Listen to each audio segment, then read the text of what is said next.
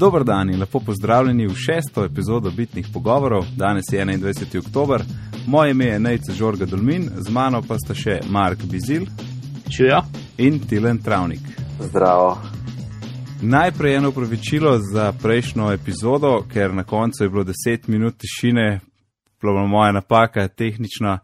Na koncu, ko sem dodal čepter za zaključek, se je čepter po nesreč podaljšal in smo dobili 10 minut tišine. Tako da, če kdo čakal 10 minut, če na koncu še kaj smešnega, žal ni bilo nič. Tako da, pardon, tale, tale zdaj bi mogla biti ok. Zdaj pa gremo kar na današnjo temo, to je GTD, metodologija Getting Things Done za organizacijo opravil in produktivnost v življenju in v službi. Tako da bomo probali donesiti mi čez teorijo, kaj to je, čistko v eni uri to obdelati, kdaj kasneje pa tudi kako v praksi to uporabljamo, jaz pa Tilen pa tudi Mark. Začel bi lahko z vsemi stvarmi, ki pridejo v naše življenje, a so to maili, a je to nek telefonski klic. In to je ta nekakšna prva enota Getting Things Done metodologije, da prepoznamo, kaj so te stvari. Ja, tle si ti zelo osko povedal to stvar, ne? niso samo maili pa klici po mojem, ampak ne vem, meni se te stvari manifestirajo v sto različnih stvarih, od ne vem, postit listkov sodelavcev do spor sporočil v kuhni uh, od žene in tako naprej, tako da tega je ful. Ja, v bistvu karkoli pride do tebe in mož zdaj nekaj s tem narediti, ne? Tako. Ja, tisti so bili sam primeri.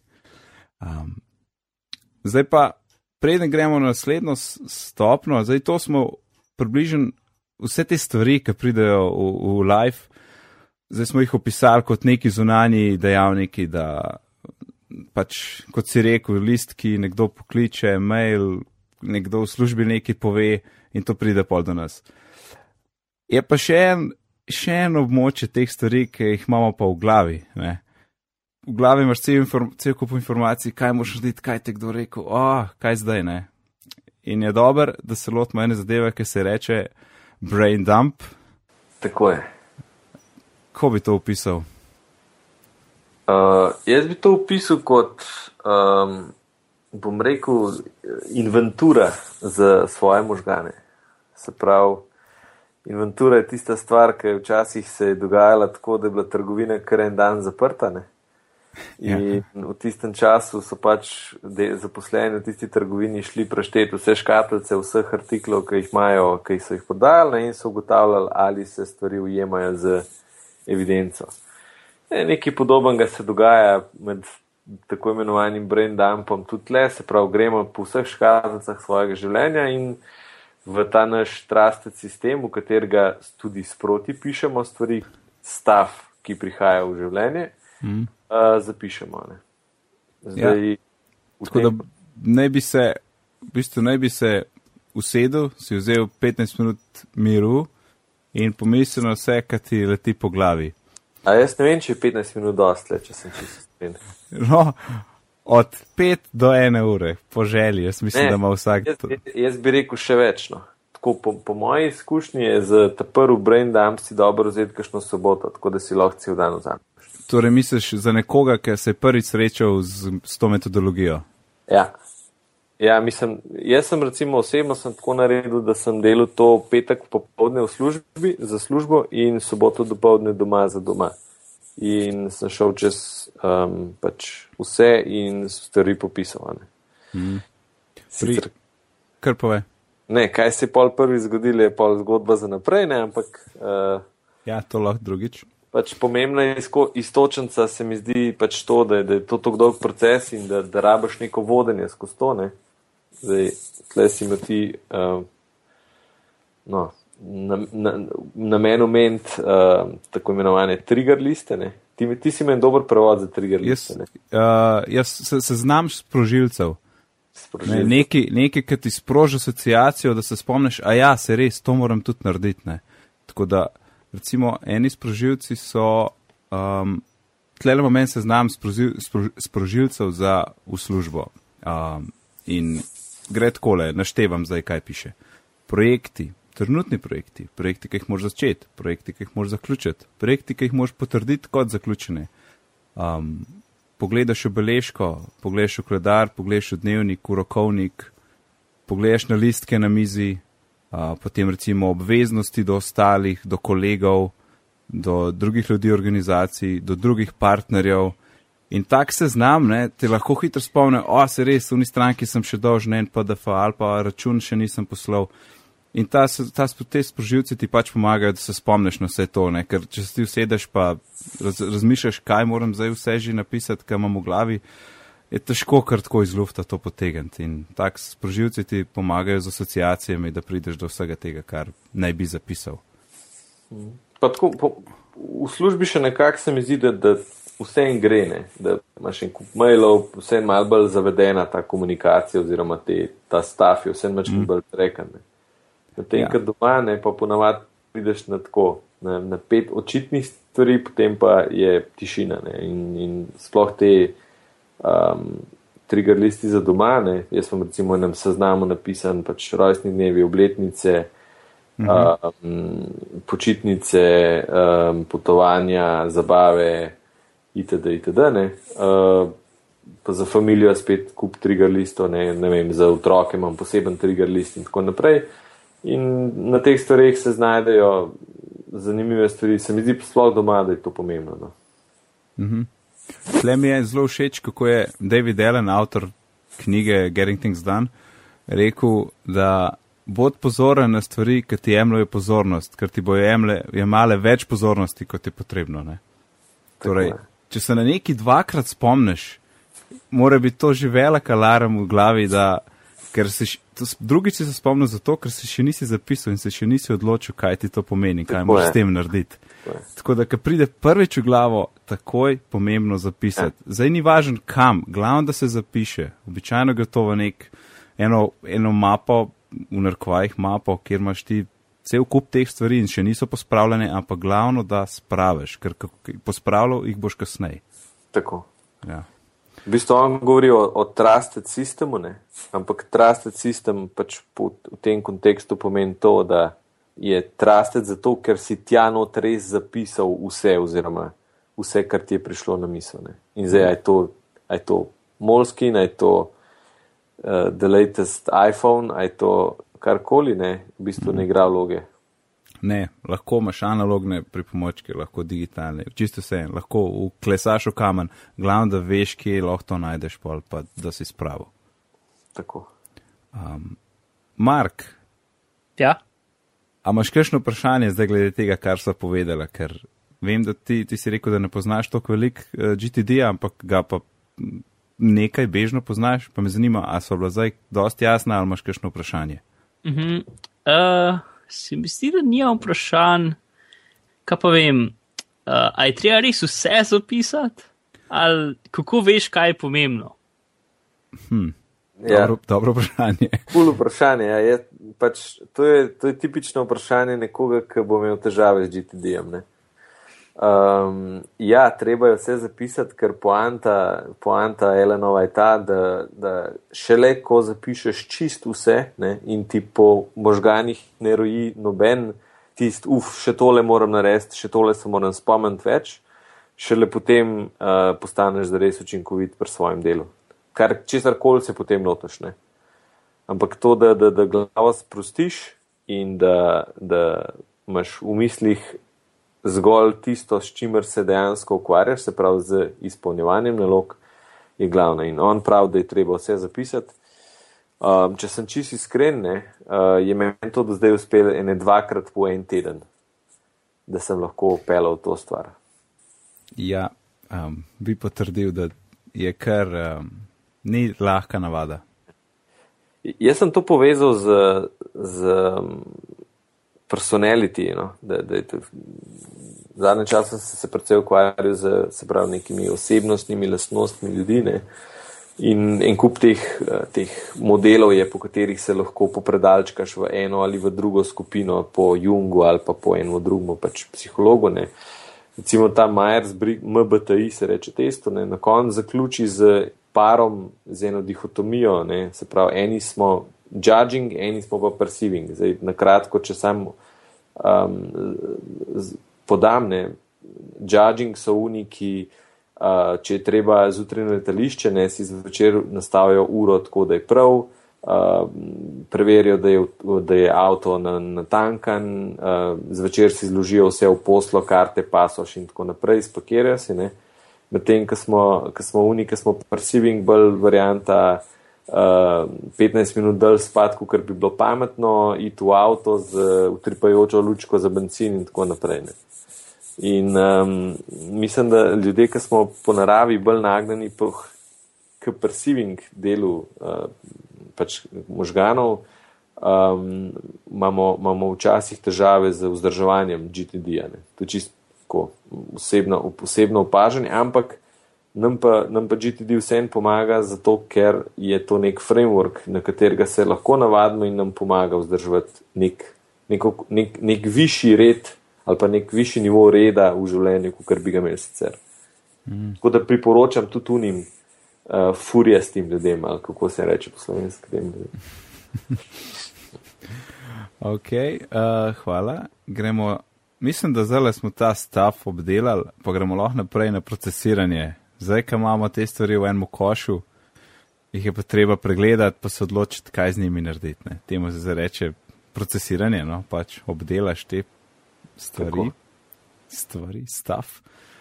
Morda prvo vprašanje, ki se ga vprašaš, ko imaš tam neko stvar, je, a je to opravilo, je to nekaj, kar se naredi. Ne? In če je, ga porineš nekam v drug koš. Zdaj, če ni, so pa lahko to smeti, vrže stran, ni pomembno, super, si frajne. Uh, lahko je nekaj, ki boš mogoče kasneje uporabil, uh, daš v, v drug koš, a pa oziroma arhiviraš. A da bomo lahko primer to iz, iz živega, iz, bom rekel, iz, iz fizičnega sveta, da si bo folk mm. mogoče lažje predstavljal, mislim, poslušalci mm. prosto, da niso folk. Vse mislim, da so ljudje. Uh, ja, meni se zdi dober primer, recimo, maila. Ne? Mail je en tak, ki se mi zdi, da vse te tri lahko spada. Če dobiš mail od kolega, ki ti pošilja recimo en PDF, lahko lahko je opravilo. Ker če noter piše v mailu, lej, tale, tole, tole je treba poslati v tiskarno in razviti in v petek dostaviti do kolegov v Mariboru, je to opravilo, čeprav, oziroma v tem primeru že projekt, ampak gre za opravilo, nekaj moraš s tem narediti. Potem, recimo, če ne bi bilo, če bi ti on samo uvedno spošiljal ta dokument, lahko arhiviraš, mogoče za kasneje kaj rabiš, pač spraveš, ne. Ni, ni treba nič s tem narediti, arhiviraš in daš stran od sebe. Lahko je pa čist tretja stvar, da je PDF je nekaj smešnega in uh, pravzaprav s tem nimaš kaj početi in samo zbrišeš ne? in so v bistvu smeti. Tako. Uh, si imel ti še kakšen primer, recimo? Mm, jaz, sem, jaz sem mislil bolj na, bom rekel, klasično pošto. Ne? Navadno pošto, torej. Ja, navadna pošta. Um, recimo, dobiš uh, junk mail od trgovin, ne? Uh, in recimo, recimo, da zdaj govorim v, v, v imenu moje žene, ne? junk mail iz trgovin pomeni to, da vse en pač določene trgovine pregledaš tiste kataloge, ne? določene vržeš takoj v str papirne. Uh, tisti, ki, so, ki jih pregledaš in not najdeš neko ponudbo, ki te mogoče zanima, ne? bodi si potovanje, bodi si karkoli, ne? to je maybe later, ne? morda kasneje um, stvari, ki pridejo noter v smislu položnice za trajnike in tako naprej, grejo pa direkt v arhivne. Ampak dobro, se to je ena taka. Mm. Ali pa ne vem, pač položnica za, za plačati je upravilo, položnica, ki je pa s trajnikom bila plačana, je pa arhiv. To recimo ja. ime, ta je taka ločnica. Ja, tle pri teh, pri teh ko prebiraš ta kup ali pa tudi če sprot nekaj začneš sortirati, v bistvu, kaj ti to pomeni, je tako široko vprašanje, ampak mogoče bolj preprosto je pa, kaj boš zdaj s tem naredil. Ne. Nek, nekaj moš narediti. Mislim, če, najlažje je uno, dobiš eno misel in ni pomembna in jo lahko pozabiš. Ne, problem je, če je opravilo, pa ga ne zapišeš. Ne. Ja. Ok, zdaj pa iz tega navežemo iz procesiranja mogoče naprej, glede opravil pa projektov. Zdaj, kaj je opravilo, pa kaj je projekt? ker doskrat se mi zdi, da kdo lahko hitro zameša, oziroma napačno pristopi k stvari. Pa še kontekste moraš tle zraven, da če bo kdo knjigo v roke vzel, gori še v kontekstih, tako da mogoče vse troje razložimo na tem koraku. Ja, zdaj najprej ločimo, kaj je pravilo, pa kaj je projekt, pa gremo pol na kontekste. Prav. Torej, jaz bi, sej, ne sam jaz, marsikdo in tudi pač avtor knjige David Allen, da je projekt je sestavljen iz več pravil. Torej, pravilo ne more biti nekaj, ki ti nek projekt, ki traja recimo en teden, mislim, projekt, zdaj sem že rekel projekt, ampak ne moreš ti eno reč vzeti in potem z njo delati en teden, ker boš težko sledil, kje si, na kjer mu koraku, kaj moram pa narediti, kaj sem že naredil. V bistvu moraš potem zadevo razdeliti na več pravil, če mora pa potem rečemo projekt. Projekt je pravzaprav vsaka stvar, ki jo ne moš narediti v enem koraku. Ja, ti, ti bi, kako bi ti to povedal? Jaz se strinjam s to definicijo. Um, zdaj je pa m, po mojih izkušnjah tako, da je tle od človeka do človeka odvisen, kaj si bo zapisal uh -huh. za eno pravilo. Ja. Um, recimo pri vodenju, pri vodenju programerskih ekip, s čemer se predvsej ukvarjam, ne, je neko tako pravilo, da je, da je en task ali pa, ali pa nek, neko pravilo dovolj mehko takrat, ki ga en programer lahko naredi približno v enem dnevu. Ne. To je nekako, koliko mm -hmm. gremo drobiti taske. Zdaj, to, je, ja. to, je, to, to je v tem načinu. Zdaj, nekaterim bo mogoče pasal, da si stvari razcepijo tako, da so za pol ure, drugim bo mogoče pasal, da si razcepijo stvari tako, da so po nekih logičnih komponentah sestavljene. Ne. Ampak uh, z definicijo se pa vsekakor strinjam. Klele, vem, da je David Allen takrat imel neke primere, recimo, moraš posneti, David, oziroma, uh, recimo, družinskim članom, ki so v Mariboru, moraš poslati video iz poroke, ki še ni zmontiran. Ne? To je zdaj ogromno enih korakov. Moraš zmontirati video, kar je spet v bistvu svoj projekt, ampak recimo, dobro, to zmontiraš, ker tako ga boš montiral. Ne? Potem moraš njim poslati, ne? zdaj se lahko takoj vprašaš, a imam sploh njihov naslov, moš dobiti naslov potem zapakirati CD, CD um, posneti CD, zapakirati CD, iti na pošto, ga oddati in pol je nekakšne lefertika. Ne. Ni zato tako, ja, ja, bom jaz to poslal, pa v bistvu imaš 5, 6, 7 opravil, ki so lahko več ur dolge. No, v okviru opravil, ki smo jih zdaj že veliko menjali, so pa konteksti. Zdaj kontekst je pa pravzaprav okvir, okvir časovni, ali pa tudi lokacijski, ali pa tudi miselni, v okviru česar boš ti opravilo delal. Zdaj, mogoče najlažje to s primerom povedati. Um, če je opravilo, da moš klicati nekoga, pa se zmeniti za sestank, je, je to kontekst telefone, pač klicanje. Kaj bi ti še dal za primer, Tilen? Recimo, kontekste jaz uporabljam uh, bom rekel, bolj lokacijsko, kot uh mhm. -huh. pa, uh, kaj si že drug primer dal. Pač jaz jih primarno lokacijsko uporabljam. No. Se pravi, uh, ampak lokacijsko za me pomeni to, da, da rečem kot kontekst v avtu. Ne. Uh, nekaj, in, nekaj, nekaj na terenu. A? Tako, ja. In v avtu, ne, recimo, jaz lahko z, z mojo prostoročno instalacijo ne, zelo udobno telefonaram ali pa poslušam neke podcaste ali pa take stvari počnem. Ne. In navadi ne, je, je za me kontekst v avtu za nekaj, kamor dam not klice, ki jih lahko delam med vožnjo. Ne. Se relativno dolgo vozim v službo in kakšne dva klice lahko skozi spravim, recimo med, med vožnjo. Ne. In to je za me en kontekst. Drugi konteksti so, recimo, um, za, za vikend se velikrat selimo pač od, pač iz, od doma na vikend in nazaj, ne kot večina slovencev. In uh, na vikendu je vedno kaj za nares. In imam pač kontekst doma in vi, kontekst vikend, -hmm. kjer v bistvu zapisujem stvari, ki mi padajo na pamet, da so v enem ali drugem. Ne. Eh, konteksti so za me tudi relativno dober, um, kako si že rekel, triggerju. Pač dober trigger. No. Ja. Že sam, sama misel na kontekst se mi zdi, -hmm. da, da včasih pomaga. Ja. Pri tem, da ti kaj novega pade v beležko. Mm. Pa pri kontekstih ni nobenih pravil, to si sam izbereš. Tako je. Če-. No, seveda je, pač to, kakor, kakor ti ustreza. Ne? Ja, nekako moš videti, v kakšnih okvirih je poteka tvoje delo.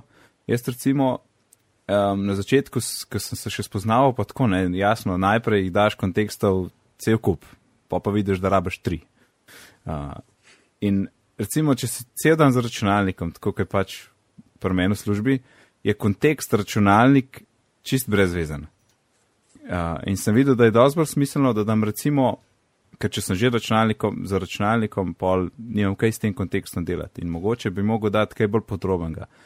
In sem potem razdelil nekako recimo na nekaj bolj pisarniškega, kot je ob, obdelovanje kakšnih dokumentov, ali pa grafika, če, bi sem, kaj, če sem v Photoshopu, ne? plus ostalo. Ampak nekako tiste te glavne sem probal nekako ločiti, tako da potem, ker štos kontekstu je tudi zato, da jih ti lahko iste vrste opravil delaš skupaj naenkrat. Ker si ti v tistem občutku, a, recimo Photoshopanja, kar koli že delaš, lahko ti tri, štiri slikce naenkrat obdelaš, ker si pač noter, padel si v ritem in lahko štiri opravile narediš, ker so za štiri različne projekte. Ne? Zato, da zgrupiraš te, ta opravila. In Okay. uh, To, si to jih se pa- mi zdi smiselno. Ja. Ja. To se mi zdi smiselno, čeprav govori o, mislim, samo dejstvo, ki si ga omenil, pač eh, na štirih projektih eh, delaš hkrati ne, in za štiri projekte hkrati lahko to stvar narediš, pač jaz nisem zagovornik tega. Jaz mislim, da ljudje vse nismo multitasking ljudje. Ne, ne, se ne, ne hkrati, enega za drugim. Ne govorim- Razumem, razumem, Ja. ampak če, če, čeprav pač to en, en znan eksperiment obstaja z, z pakiranjem pisem v kuverte. Ne. Kjer, če, če, daš, če daš dvema skupinama ljudi, pa bi mogel pogooglati točno naslovno, ampak se spomnim iz enega predavanja. Ne. Pač imaš dve skupini ljudi in tem skupinam ljudem daš eni skupini za spakirati kuverte, pač to pisem v kuverte, gor znamke, naslov. Pač narediš nek, nek set korakov, ki so potrebni za dokončanje vsake kuverte. Ne. In če rečeš tem ljudem, ok, vi pakirate tako, da, da naredite najprej korak ena, vse, potem korak dva, vse, potem korak tri, vse, in eno skupino, ki bo naredila, um, ki bo pač delala cele paketke, ne, se pravi, cel ga zloži do konca, cel ga zloži do konca, cel ga zloži do konca in tako naprej, bo una skupina, ki se tega loteva tako, da delajo po enega do konca, vedno hitrejša. Mm, so tudi neke razlage in zaradi tega jaz ne priporočam, da bi, mislim, me, jaz se tega ne poslužujem, da bi kontekste uporabljal za to, da bi združeval naloge, ki so istega tipa, vendar v različnih projektih, zato da bi jih hitreje zaključil. Iz vidika uh, task managementa se mi zdi v redu, iz vidika, iz vidika učinkovitosti ali pa produktivnosti na samem projektu se mi pa ne zdi to prav. Ampak le to je čist moj, Meni moj personal belief. se mi zdi, da je zelo različno od, od projekta do opravila, do konteksta to lahko. Ne? Ker če moraš ti pet telefonskih klicev narediti, um, mislim, da ne bi imel noben problem to združiti. Ja, to je Zdaj, je, je pa sicer res, kaj se zgodi po telefonskem klicu. Če, ker ta telefonski klic lahko pripelje do desetih novih projektov, ali pa do treh novih opravil, ali pa do nič. ne. Torej, čas po, po samem telefonskem klicu se lahko zelo spremeni in ti lahko, da boš pol ure zapravil sam zato, da boš obdelal, kar se je glikar zgodil med samim pogovorom, ne pa da boš takoj nadaljeval na naslednji klic, na, torej naslednjo opravilo v istem kontekstu. Ne. ja. Čist drugače, ja, čist, tvoj point je čist dober, um, ampak nekako moraš najti, kaj, kaj za te deluje, pa kaj ne. Okay, vprašanje. Povej. Uh, meni se kdaj zgodi, da, kaj pa vem, ne, ne morem najti konteksta. Da je nekaj, kar bi lahko naredil na treh lokacijah, ne vem, s tremi rečimi stvarmi, uh, itd. Um, jaz mislim, da imam, tem kakšen random kontekst. ali? jaz mislim, da imam Ga pač pustiš brez. kontekst. Ne, lahko imaš kontekst povsod. Ne? Aha, ja. Um, mislim, da sem jaz nekaj podobnega, sam zdaj, sorry, se ne spomnim. Ampak ja, recimo, ne vem, pošiljanje mailov se mi zdi, da je ena taka stvar. ker sploh zdaj računalniki so posod, telefone imamo, ki maile berajo brez problema. Je eno taka stvar, ki bi lahko posod naredil. Mhm. In potem daš pošiljanje mailov kot svoj lasten kontekst. Zdaj sicer ne, ampak probam odgovoriti na vprašanje, da kaj bi v tem primeru dal. Če bi hotel res dodeliti kontekst, bi lahko dal nek kontekst, ki je povsod. Ne, Mhm. tako bi ga imenoval. No. Predvsem je po mojem pomembno to, da, da vemo, da so konteksti so opcionalni. Pač, če Ja. ja. se ti zdi, da jih ne rabiš, jih pač ne rabiš. To je tako kot tegi, pr, pr, neka vrsta tegiranje, task. Ja. Ja. Ja, ja. Tako je. Tako da, pač, če jih ne rabiš, jih ne rabiš. In, Ja, prej si omenil dober telen, ki si rekel lokacijski, ne, v avtu, posod tudi recimo trgovina ali pa lahko konkretna trgovina, ne, če moraš res v Merkur, pol je pač Merkur, ne moreš tudi to Lidl. E, Je pa še tretja varianta, recimo kontekst glede na stanje tvoje, tvojih možganov ta trenutek, tako po domač. ja. In um, torej, če imaš možgane tako kot mušica, pol je bolj, da delaš opravila, ki, so, ki jih zmore mušica. Ne? In, ali pa jaz temu rečem brušanje nožev, recimo.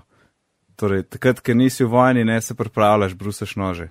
In takrat, če ima meni tak, uh, torej, da nimam, da, ni, da so možgani na off in uh, nisem sposoben nekih kompliciranih taskov se lotiti, pol pogledaš lahko v kontekst, ki mu lahko rečeš, ne vem, brez veze uh, in greš pogledat, a imaš, a imajo printerji, tonerje, a so papirje v pisarni, a imam svinčnike na mizi, a so ušiljeni. Ene take neumnosti, za katere ne rabiš razmišljati. Ne? In to je lahko tudi en od kontekstov, recimo.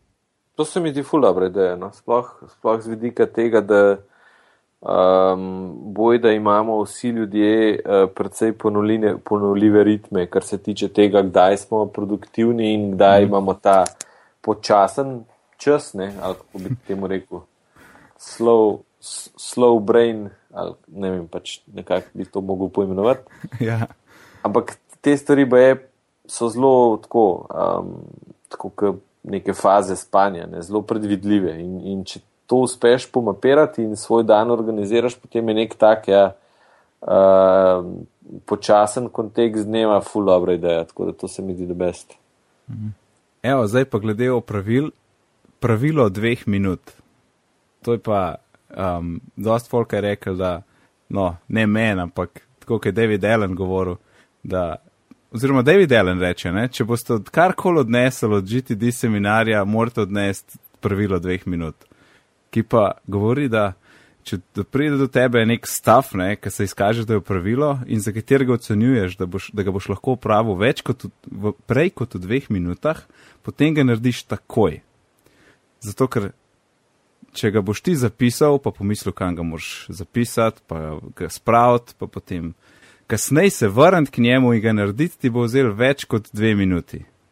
In pravzaprav boš več časa porabil, da zapišeš, pa se pol vračaš, pa spet, lahko spet, lahko da se zakomplicira, pa razmišljaš, kva sem že mislil, kaj je že to. In če ga Ja. narediš takoj, je pa mimo in je fertik in ga frcneš stran po domač. Tako. Recimo, to je ena stvar, ki se jo jaz najlažje držim uh, v celega GTD koncepta. Ja, Um, preprosto od, od mailov do um, fizičnih zadev. Um, preprosto si rečem, ke, da to je to in dejansko mail, ki ga lahko v dveh minutah odgovoriš, ga odgovoriš. Nek tak opravilo, ki pade po, iz, iz fizičnega sveta v teb, če dve minuti ponavadi dejansko nimaš kaj razmišljati. Ampak mislim, vse, kar moraš pomisliti, je, koliko, koliko ti bo ta stvar dejansko vzela časa. Ne. ja, To se moraš natrenirati, ampak to je nekaj, kar je tako kot vožnja s kolesom. Ker se enkrat začneš to sprašovati, koliko časa ti bo to vzelo, potem se avtomatsko za vsako stvar to vprašaš in ne pozabiš in pač to mm. delaš. Da To je Pa še- meni naj, najboljši del GTD. Ja, no. ja, to pravilo je the best. Pa tudi ne sem, um, samo po sebi, da je pravzaprav easy za narediti, polka enkrat identificiraš, da, sam, da bo dve minuti vzel. Uh, plus je tudi v tem, da vzame samo dve minuti in karkoli si ti takrat delal, običajno te ne bo tako ven iz ritma vrgel, da se ne bi hitro, lahko, hitro vrnil nazaj, karkoli si delal. Ne. Tudi v tem smislu je zelo dobro pravilo. In jaz sem pa njem izjemno, izjemno slab. Res? ja, ne vem, nekaj delam, vidim, da pride pošta, pa neko tako vprašanje, ki bi lahko v dveh stavkih odgovoril, pa reče, ja, ne bom za neho delal, bom odgovoril. Ko bom neho delati in pa pozabim in po možnosti uh, zatone v nabiralnik uh, in nikoli ne odgovorim. Ampak se, to, se, to se meni tudi zgodi, ampak to je, to je težava v tem, da imaš mail odprt takrat, ko nekaj delaš. Ne? To sem hotel reči. To je tudi res. Ja, ker, lej, če imaš mail odprt, pa če si ga še odprl in prebral, če si, si čas za to vzel, da si prekinil tisto, kar delaš, pa si vzem še 20 sekund več. Ja, mislim, ponovadi stvari pač pridejo na moj ekran in jih vidim. A, to, to je pa notifications, pa je izklop le teh. Ja. No, sej, ne vem, to je en primer. Ja, to je definitivno stvar, na kateri bi jaz mogel več delati. Uh, To, pa res je, ta je res, mislim, nimaš kaj, samo praš se dve minuti ali ne, bum, fertik. Ker um, problem je potem, če ne narediš, pa, pa, ne, pa ni tako majhen problem, če ne narediš ene, problem je pa, ker jih je 20. In pol naenkrat je tako, kot cel kup mušic okoli tebe, ki non-stop te zbadajo in kdaj me boš naredil, kdaj me boš naredil. Medtem, ker se ti, namesto da bi jih skenslo že prej, je zdaj imaš ti situacijo, ki delaš na pomembne stvari, medtem, ker te te mušice težijo zraven, ker bi jih lahko že prej odvrco stran. Ne? To je tudi tisti hec. Ja, se čist strinjam z necem. No, tle... Ampak dejansko uh, tvoj problem ni problem tega, da se ne bi držal dvominutnega pravila, ampak preprosto, da si pustiš, uh, da ti stvari vmes uletavajo. Ej, jaz ne bom golfov, jaz, jaz nisem človek, ki je sposoben izklopiti notifikacije čist vedno in izmeraj in tako naprej. Ne? Jaz pač jaz pustim, da te notifikacije pridejo, ampak jih, jih ne dojemam več kot triggerje za to, da bi, da bi preklopil iz tistega, kar delam na neki drugega. Ne? A veš, to sem se, od, bom rekel, odvadil. Uh, med, tem, med, med procesiranjem ali pa med takrat, ko se pa spravim delati, jaz rečem temu inbox zero. No, inbox zero je pač ena od, uh, ja. kar se mi reče. Pač, včasih smo rekli, da si obrnil en špil. Ne? Za me je inbox zero, kot da sem obrnil e-mail. Ne? Ja, the best, the best ti to povedal. Veš, pač, ne, imaš 200 mailov, pa prideš do konca se podlo, dosti podobno počutiš, kot če si en špil obrnil. Po mojem, mislim, da bomo uh, kompleten e-book zero lahko obdelali v kakšni drugi epizodi, ker je mi super zadeva. Um, Čakaj, Mark, ti si, ja, te, pri tebi smo imeli dve minuti pa to, ampak bomo šli kar naprej na projekte. Eno tako pravilo pri projektih je, kot je David Allen rekel, da moraš vse, kar moraš vedeti pri projektu, ki ga delaš, pravzaprav je da veš, kaj je naslednji korak. Ni treba vedeti naslednjih 200 pravil, se, ki, ki so potrebne za dokončati projekt, ampak najbolj pomembno je, kaj je naslednji korak. Tilen bi kaj dodal? Um, pa ne bi, to je to. Mislim... Moramo zdaj s kakšnim primerom to ponazoriti. Ja. Um... Se mi zdi, a, če se si imel idejo, kar povej. Ne, mislim, jaz prihajam dosti iz tega agilnega projektnega vodenja. Tam, tam je v bistvu stvar taka, da dejansko tudi pač imamo neka razvojna obdobja, ki jim rečemo sprinti in v teh sprintih pač ti se lotaš enih stvari in, in jih probaš v tem času zaključiti. Um, zdaj, tam je eno pravilo, ne, ki pravi, da mora biti, da mora biti stvari, ki so ki jih daš v eno razvojno obdobje, neodvisne druga od druge, ne? se pravi, to, da znotraj enega razvojnega obdobja nimaš, po, po angliško rečeno, dependencijo na nek drug task. Ne? S tem si mhm. preprečil, da če ene stvari ne dokončaš, da ne moreš še druge. Druga ne čaka. Ne? Ja, ampak ja. tukaj, tukaj v, v, v GTD-ju je stvar um, pa v bistvu ravno obratna, ne? ker, no dobro, zdaj če govorimo o projektih, ne vem, ampak če, če govorimo pa o um, če govorimo pa o upravilih, ki niso del projektov, ne. potem pa, potem, a ja, pa sploh ni nobenega dvoma. Če govorimo po projektih, se mi pa tudi zdi tako, da je, da je boljš premakniti tri stvari, ne, tudi če četrte ne veš, pa pol tam stvar čaka, kot da čaka na prvi stvari, zato ker četrte ne veš. Ne. Tako da, ja, se strinjam, jaz nimam. Tle pri naslednjem koraku je, doskrat recimo projekt ni premaknen naprej zaradi tega, ker preprosto ne veš, um, pravzaprav mogoče ne veš, kaj je tisti naslednji korak. In um, pravzaprav v tem primeru si moraš pa zadevo razbiti naprej, ne? Zdaj, zakaj ne vem, pa kako bom zvedel, pa koga lahko vprašam. In moraš pravzaprav pa nekih drugih procesih hiti, da ti, um, recimo, da smo se preselili neki s podjetjem in uh, rabimo nove table tam za na hišo. In zdaj, če meni direktor naroči najc zrihti nove table, um, ne morem jaz dvigati telefona pa poklicati eno firmo pa reči, hej, dajte nove table prepeljati. Ker v bistvu ne vem, ne vem, koga poklicati, ne vem, kje so te table, oziroma koliko so velike in cel kup stvari zraven. Ne? In se moraš vprašati, kako bom to zvedel, kje lahko zvem, oziroma kaj bi, ali pa David Allen je dobro rekel, bi, kaj bi naredil, če bi vedel, kako bi to naredil.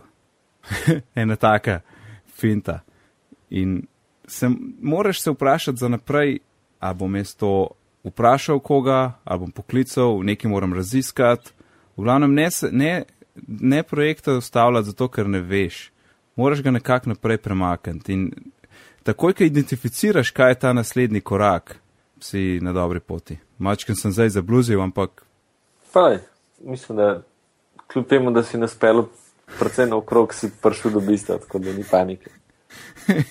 ja, ma ta je tak. Doskrat ga, sem ga presep opazil. Nekaj projekt mi stoji, pa stoji, pa stoji in vem, da mi stoji primer in ga nisem premaknil. In pol, pa recimo samo nekaj naredim v tisto smer. Včasih je tudi mogoče kakšen strah, da če bom nekaj premaknil, da se bo pol nekje ful zalomil. -hmm. Ampak v večini primerov je bilo potem, ko sem premaknil in skoraj tako malo z, z odporom, ampak ko sem premaknil, je, je steklo, zdaj je izlaufala. Sploh ja. ni bilo problema nikoli, veš, ker sem mislil, da je velik problem. To je, je spet, da, da malo to moja, ne vem, danes sem ful psihološko, se ful počutim danes, ampak um, bil sem na, na, na enem predavanju, kjer je rekel pač, um, kjer je rekel Branko Žunec, to je en od boljših slovenskih biznis coachov, ne, je rekel, ne, je rekel, um, don't expect perfection, but progress, ne, pač in od sebe in od drugih, ne, se pravi, ker, ker s tem, če pričakuješ nek perfection in s tem, da boš, a veš, perfection v tem, v tem smislu je pomeni to, da pač boš stvar se lotil takrat, ko boš za vseh pet korakov natančno vedel, kako jih boš izvedel, ne. Mm da, da to, ni, to ni prav in da to nas pač pelje v, ne v pogubo, ampak v to, da pač stvari ne premaknemo, čeprav bi jih lahko dosti delač premaknili, pa jih ne. ne. Angliški izraz je to, ne, don't be a perfectionist, but be a completionist. Um, spet na to, na to isto temo. Ne. In pač dokaz je to, ker se nekaj lotaš in, in pač se brcneš iz svoje, iz, iz svoje zone obdobja ne, in, in rečeš, ok, to bom naredil, ne, um, se doskrat stvari začnejo sestavljati, pa tudi če se ne sestavljajo čist do konca, ne, ali, ali pa če jih takoj ne vidiš do konca, se potem tekom dela začnejo sestavljati. Ja, tako da to, to se strinjam. Hmm. Bi še kaj glede projektov, pa naslednjega koraka, ali pa Mark, imaš kakšno vprašanje morda? Uh, niti ne.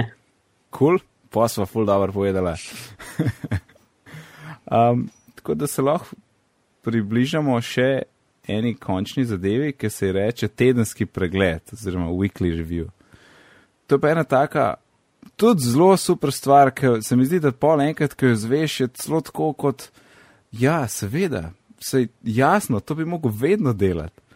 In uh mhm. -huh. što se o tem, ne, ti imaš cel kup stvari v lifeu, projektov, takih in drugačnih.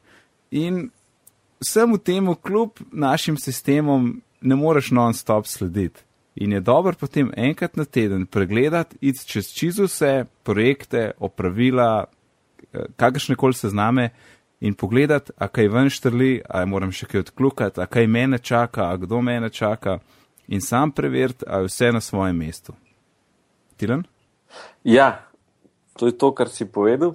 Mm, iste občutke imam jaz, um, glede kako očitno dober to je. Um, spet, če se vrnem nazaj na, na metodologijo, ki jo uporabljamo za vodenje projektov um, pri nas, je to nekaj, če moramo pravimo sprint review, zdaj aj weekly, aj bi-weekly, kukorkoli, nima veze. Uh, ampak točno to ne. Pač pogledaš, kakšno je stanje in, in korigiraš smerne. To je pač, ne vem, to samo korekcijo ne, ali pa ta review and adapt proces, ne, to je nekaj povsem logičnega v praktično vseh poklicih, uh, vseh branžah in tako naprej. Ne vem, avion vzleti in leti po neki smeri in piha veter bočno. Ne. Avion ne bo letel do konca bočno, mislim, do konca pač v neki smeri, ampak bo pač pilot pogledal, kje je kje se nahaja trenutno in pač glede na veter korigiral smerne.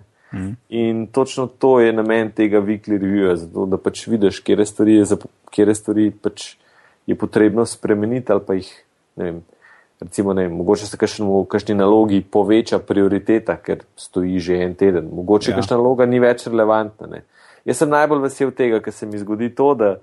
da Mislim, pa, da vem, kaj boš rekel. Ja, pač bom iskren, ne. ni to pri meni ni weekly review, ampak je recimo na 14 dni. Ja. Ampak se mi zgodi to, da pač je nekih 5-10 nalog, ki pač niso več pomembne in včasih je to slabo, ker niso več pomembne, ampak ja.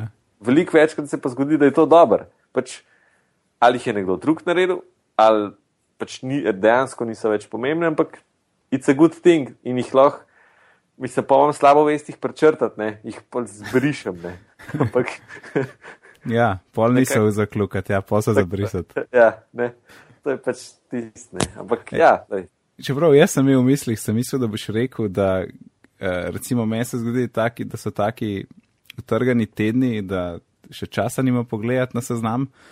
In uh, potem, ko se spravim pogledati in pregledati, pridem do tega, da imam cel kup stvari za odklukati, ker jih svoj nisem imel časa klukati, recimo, ne. Tudi ta, ta mi je taka, mi je zelo všeč. Aha, no, veš, na začetku sem govoril, da, da obstajata dve različni vrsti ljudi, ne, pač judging pa perceiving, ne. V bistvu obstaja tudi zelo GTD specifična delitev ljudi, ne.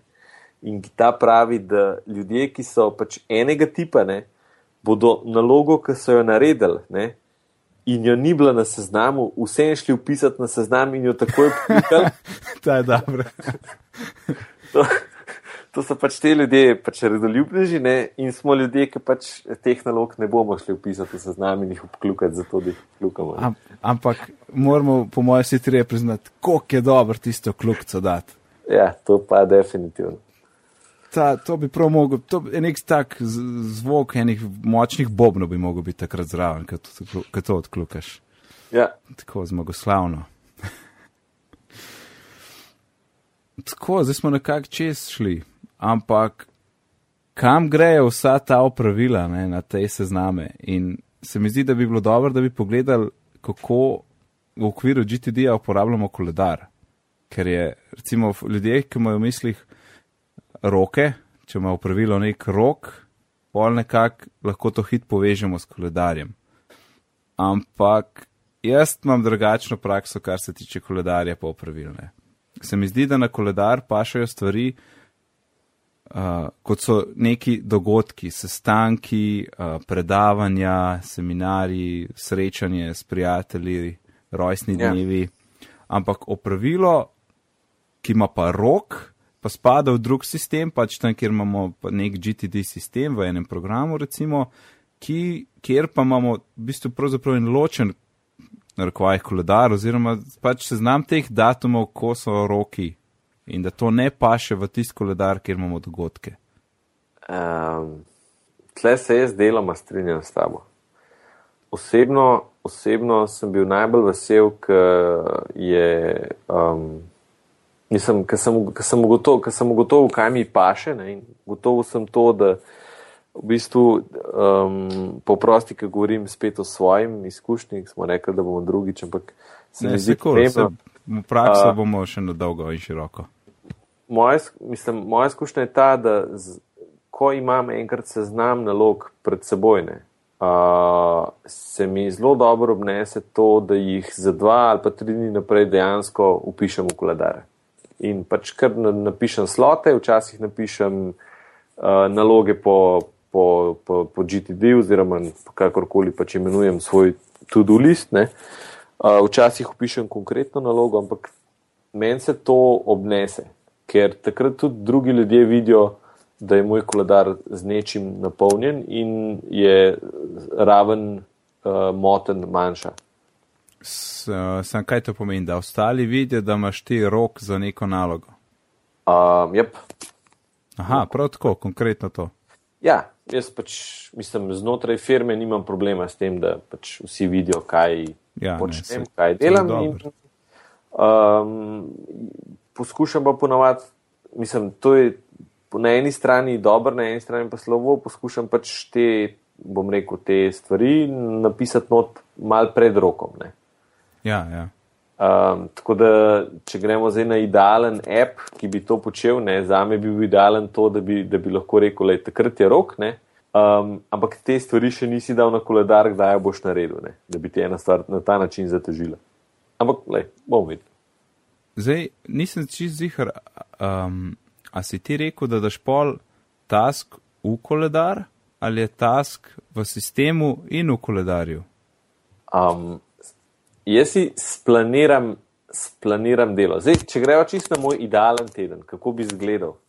Um, je tako, da pač v nedeljo zvečer narediš review, vidiš, kaj, je, kaj, kaj se ti dogaja, ne?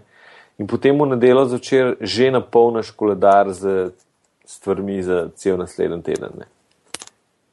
Se pravi, ne z roki, ampak z časovnimi, pač z, z bloki časa, v katerih boš te naloge dejansko izvajal.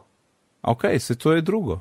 To, ja. torej, če, si ti, če si planiraš, da boš v torek do povdan od 8 do 12 delal na tej pa tej stvari, meni se to zdi čisto ok.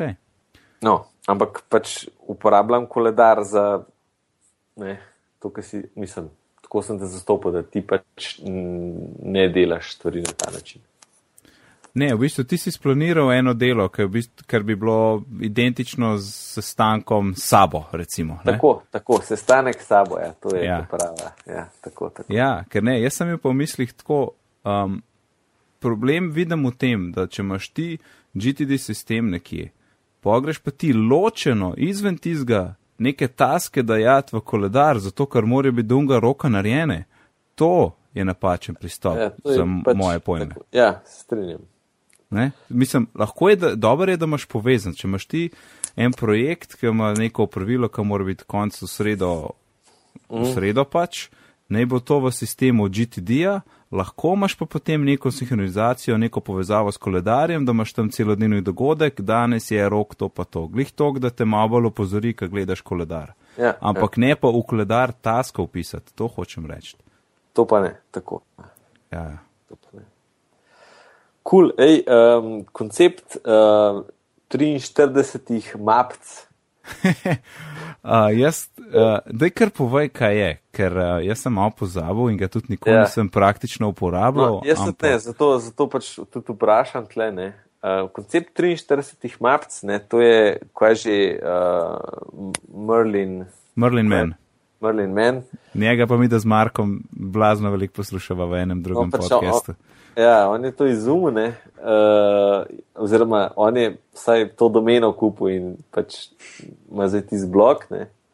Ampak uh, fora je tem, da, da ne bi z 43 folderji ne, rešil to uh, problem reoccurring stvari v svojem življenju. Ne. Se pravi, um, mm -hmm. mislim, da ideja izhaja iz, izpred časa. Eh, naših zvestih elektronskih eh, pomagalne, ko dejansko folk še pisal stvari na listke.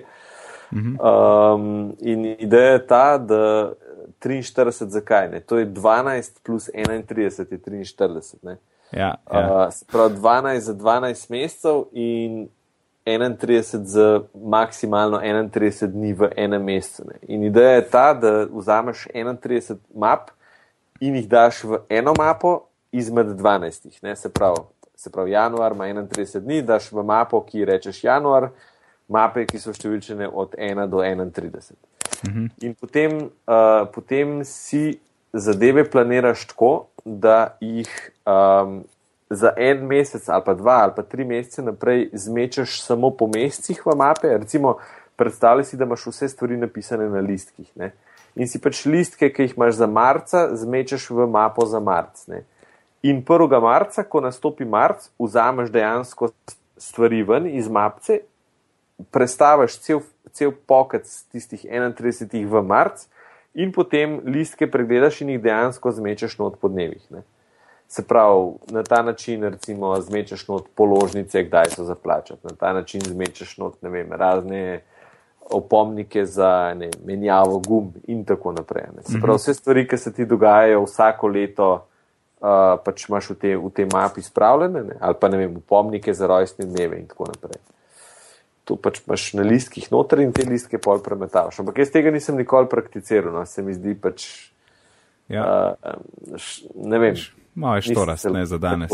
Ja, za danes je malo štorast. Ja. Čeprav ni mi čist jasen, kako bom jaz, recimo, če bi danes je zdaj oktober, ja. kako bi jaz za 5. december kaj naredil?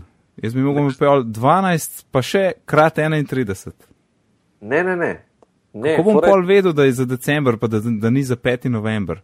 Zato, ker imaš na posameznem listku gor napisan, kdaj je. Ne? Ti imaš, recimo, vem. A, rojstni dan, ne, četrti, šesti. Ne.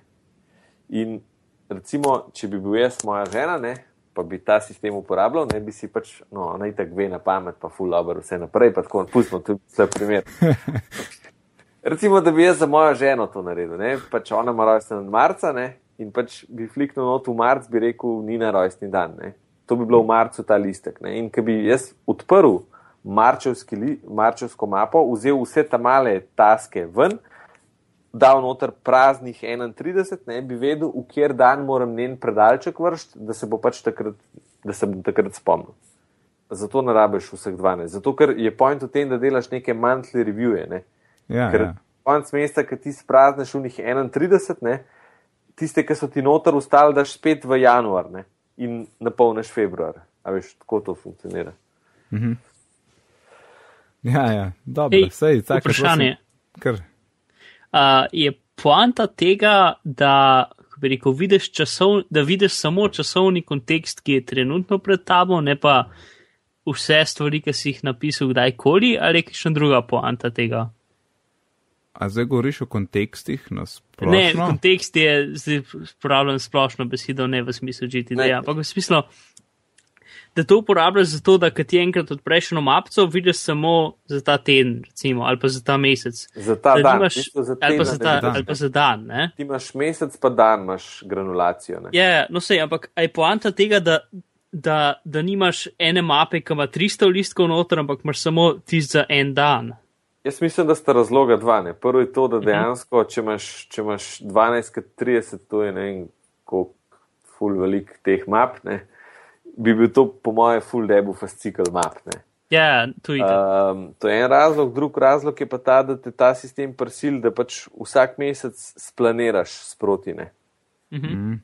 Um, ja, v bistvu je skoraj daily review rata vse skupaj, skoraj, no, no, grobo ja, rečeno. Ja, ja. In, in pač te. Um, uporabniki, ki recimo ta, ta stvar se, enkrat sem videl nek blog post, kjer je nekdo naredil nek poseben insert za svoj molskin. Ne. Imamo molskin, kjer je mu pač te stvari noter, se pravi ta regularen del, kjer si je zapisoval, zadnji mu pa ta 12 krat ali 31 krat 12, tak, tako pa hlačo narejeno. No. In, mm -hmm, in ja. um, pač v, v tem kontekstu se mi stvar zdi super. Ne? Če imaš pa ti neko elektronsko stvar, ki pač splaniraš, da je neka stvar se maja zgoditi tam pa tam, ne? je pa pač to to. Je pa res, da pol review-je ne delaš. Ne? Da, ne, to mislim, da ta 43 folder je malo bolj kot zanimivost pri današnjem podkastu, ker danes to v današnjem času ni No, lej. praktična rešitev. Mogoče se bo pa kakšen poslušalec javil, pa bo rekel, da smo itak čist memo darili, da to je on skozi uporablja. Da, Ej, to bi bilo čist debest. in Če se kdo javi in to redno uporablja, mora nas, nas mora kontaktirati in pride gor na šov, da pove, kaka- kaka- kakšna je praksa s tem. tako. Ej, še neki zdaj, ki smo pri koledarjih, po pravilih. Tako, kot si ti prej rekel, da si planiraš, da imaš dopoldan sestanek s sabo, uh, to je čist kul, cool, se mi zdi. Ampak problem vidim tudi, kot sem ga preseb, da je pa v tem, da se ti daš, recimo, da si splaniraš cel teden. Že tle se mi zdi malo problem. Ampak potem, da imaš ti za vsak dan, ponedeljek bom naredil te pa te taske, v bom naredil te pa te taske. In uh, daily tasks, dnevni, dnevna upravila vnaprej se mi zdijo zelo napačen pristop, ker uh, ti lahko prideš v ponedeljek zjutraj in ti direktor leti v pisarno in ti nekaj pove in se ti cel teden podre, ker nikoli ne veš, kako bo šlo. Tudi v tem Ja. smislu je time management čist faljen in je, čeprav je bil ful popularen in je v bistvu task management po- pomemben. Tako da dnevnih taskov jaz ne priporočam, um, mogoče za en dan naprej, okvirno, ne preveč splanirati. Ja, A, lej, mislim, to je to. No. seveda lahko se, ti, lahko se ti načrt podrene, ampak po drugi, strani, po drugi strani je pa to, kar si neki daš v koledar, tudi jasen, jasno izražaš fokus na to stvar. Ne. Tako da, Za daljše Nekje- stvari, kot si ti rekel, to je, se mi zdi, da best. Sploh, če imaš možno, možnost si vzeti čas. Ja. Zdaj, problem je, če si v takem okolju, da te vsake deset minut nekaj bombardira. No, ampak se to pravim, da to ni, to ni, moje mnenje je, da si to okolje izberemo ali pa izgradimo sami. Ne, da, da, v, ne glede na to, v kakšnem okolju si, ne, ne glede na to, kakšnega šefa imaš, oziroma če imaš šefa, ki tega ne razume, bolj že zamenjaš službo.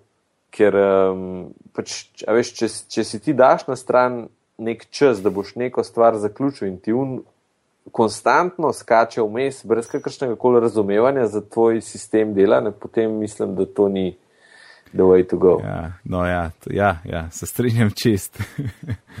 to bi lahko tudi čist svoj podcast. Um, vse motnje in, in, in, in odnosi ja. med sabo. Tako. Ampak, Uh, uh, ampak kdo, imaš, imaš ti na ti še kakšno zaključno misel, ki mislim, da bomo kmalu zapakirali? Ja, imam, ne, imam. Um, pač tole delegiranje nam je še ostalo, to bi rekel pač enkrat drugič. Mislim, da je delegiranje je cela umetnost. No, tako da to verjamem, da si zasluži svoj podcast. Uh -huh. Um, Super. Hotel sem pa zasl, uh, zaključiti, sem malo pozabil, ne, kaj škoda. Veš, nisem si zapisal, ne, ne uporabljam. GTD-ja. Ne. Med tem, ki snemamo, bi mogel začeti pisati. Ja, tudi jaz Ja, nisem. ne. Vem, pa pa A. misli uletavajo, asociacije skačejo, pa pa pozabiš. Tako, tako. Mm. No, pač pa drugič, ne, sej. Bomo ponovili z, z GTD prakso enkrat naslednjič. Tako je. No, sej, Ej. jaz bi tudi eno, lihtko, da bi tudi, ker zdaj smo samo teoretično govorili, ne, ali pa v večini teoretično, ne, ja. Sej, ne pa kako to zares pol spraviti v to, da funkcionira. Ali pa, Ja. ja. to bi Ne? naredili potem enkrat kasneje v okviru drugega podcasta, čist praksa, moja, Tilnova, mogoče še kdo. Okay. Ja, Ej, super, hvala obema, tako da bomo zdaj kar zapakirali epizodo 6. Uh, hvala, Mark, povej, kje te lahko najdemo. Uh, odpreš najdi.si, napišeš not Mark Zil in uh, najdeš se moje linke, vsaj upam. A ne, da si sploh še obstaja, vredno. Okay. Mislim, da še je. Ej, spul dobro. Me zanima, kdaj ti bo zmanjkalo teh uh, search enginov.